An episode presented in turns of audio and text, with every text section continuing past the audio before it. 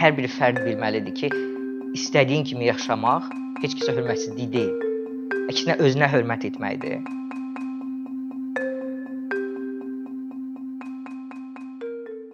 Məni narahat edən ə, əsas məsələlərdən biri gənclərin ə, fərdi inkişaflarına mane olan ə, əsas problemlərdən biri kimi mən görürəm ənənəvi ailə institutu, hansı ki ə, gənclərin fərdi inkişafına və özləri reallaşdırmaq ə, imkanlarına çox mane olur. Məsələn, daha dəqiq desək nə mane olur? Gənclərin təşəbbüskar olmamaqlarının səbəbini mən əsas birbaşa günah görürəm, dediyim ki, bu ailə institutunda. Çünki ə, biz fikir versək ə, belə ayrı-ayrı ailələrə uşaqlıqda uşaq gələndə nəsə ə, deməli danışmağa və yaxud da nəsə bir fikir bildirməyə deyirlər ki, sən kəs səsini, sən uşaqsan. Ə, böyüklər olan yerdə uşaq danışmaz kimi cümlələr əslində ə, uşaqların və yaxud da yeniyetmələrin təşəbbüskarlıq hissini boğur, ə, onun qarşısını alır. Və sonra da biz bu uşaq, yəni bu cümlələrlə ə, istəklərinin və yaxud da təşəbbüslərinin bastırıldığı bir ə, şəxs böyüyəndə necə təşəbbüskar olacaq? Yəni bu ona ciddi maneələr törədəcək. Gələcəkdə hər hansısa bir yenilik etməyə mane olacaq və yaxud da dediyim kimi nəsə təşəbbüs irəli sürməyə mane olur. Buna nümunə kimi mən söyləyə bilərəm ki, mən tez-tez xarici səfərlərdə oluram. Orda və bəzilərində biz komanda şəklində gedirik ora, Azərbaycanı təmsil edir və orada başqa fərqli ölkələrdən də komandalar olur, gənclər olur. Və mənim ə, müşahidələrimə əsasən onu söyləyə bilərəm ki, ə, bizim komandanın üzvləri əksər hallarda bəli, yaxşı performans göstərirlər tapşırıqları ə, e, yaxşı reallaşdırırlar. Amma məsələ burasındadır ki, sırf tapşırıqları reallaşdırırlar. Yəni özlərindən nəsə əlavələr etmək, təşəbbüs göstərib özlərindən nəsə qatmaq yoxdur. Fərq ə, e, ə, e, nisbətdə digər ölkələrin üzvləri ilə, iştirakçıları bu çox aşağıdır.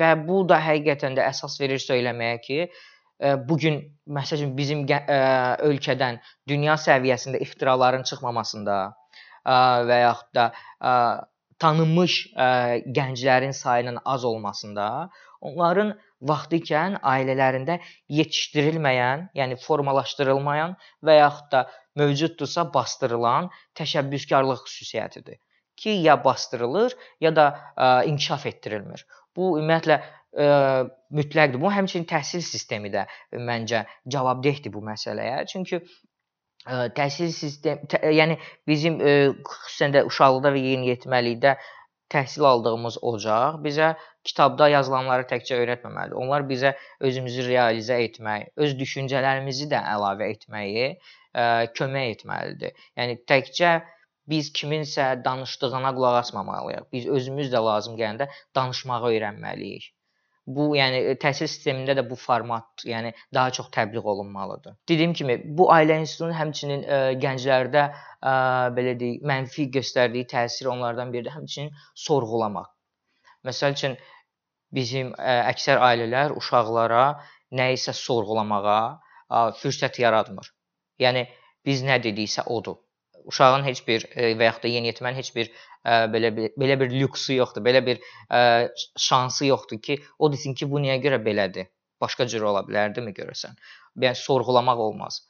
Və bu da həmçinin gələcəkdə həmən gəncin inkişaf etməsinə, yəni belə deyək, mövcud olan hər hansısa bir modelin nəyə görə bu cür olmağına və yaxud da bunu başqa cür etmək kimi ə, belə deyək, təşəbbüslərinin qarşısını alır bu problemlər hələ də qalır və yenə də bu şəxslərin ə, gənclərin, yeniyetmələrin özlərini reallaşdırmağına mane olan ə, ailənin istədiyi kimi onu istiqamətləndirməsidir.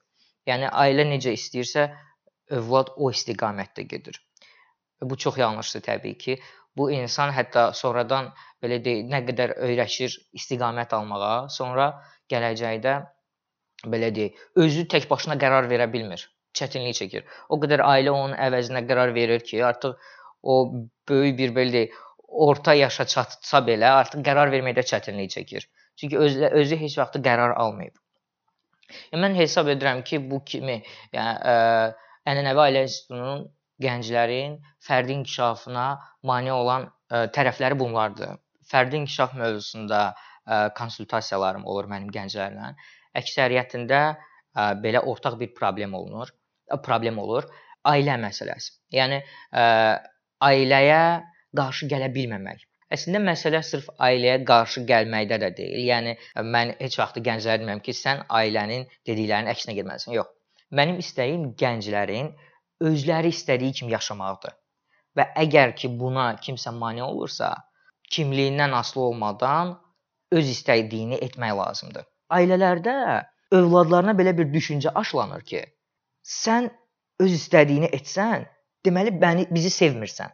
Bizi saymırsan, bizi atırsan. Və bu yeniyetmə bir gün formalaşır gənc kimi. Nəsə etmək istəyəndə deyir, mən ailəmə say saymamazlıq eləyə bilmərəm axı. Bunu artıq konkret bir hörmətsizlik kimi görür və yəni belə deyək, gənc öz həyatını istədiyi kimi qurmağı ailəsinə böyük bir təhqir kimi görür artıq. Belə bir məlumat ötürülüb ona, içində yetişdirilib. Hər bir fərd bilməlidir ki, istədiyin kimi yaşamaq heç kəsə hörmətsizlik deyil. Əksinə özünə hörmət etməkdir. Və ona görə də ə, qorxmaq lazım deyil. Təbii ki, burada ailədən ə, ə, yenə də belə bir qorxu var ki, ailəm məni atar, ailəm məni qəbul etməz.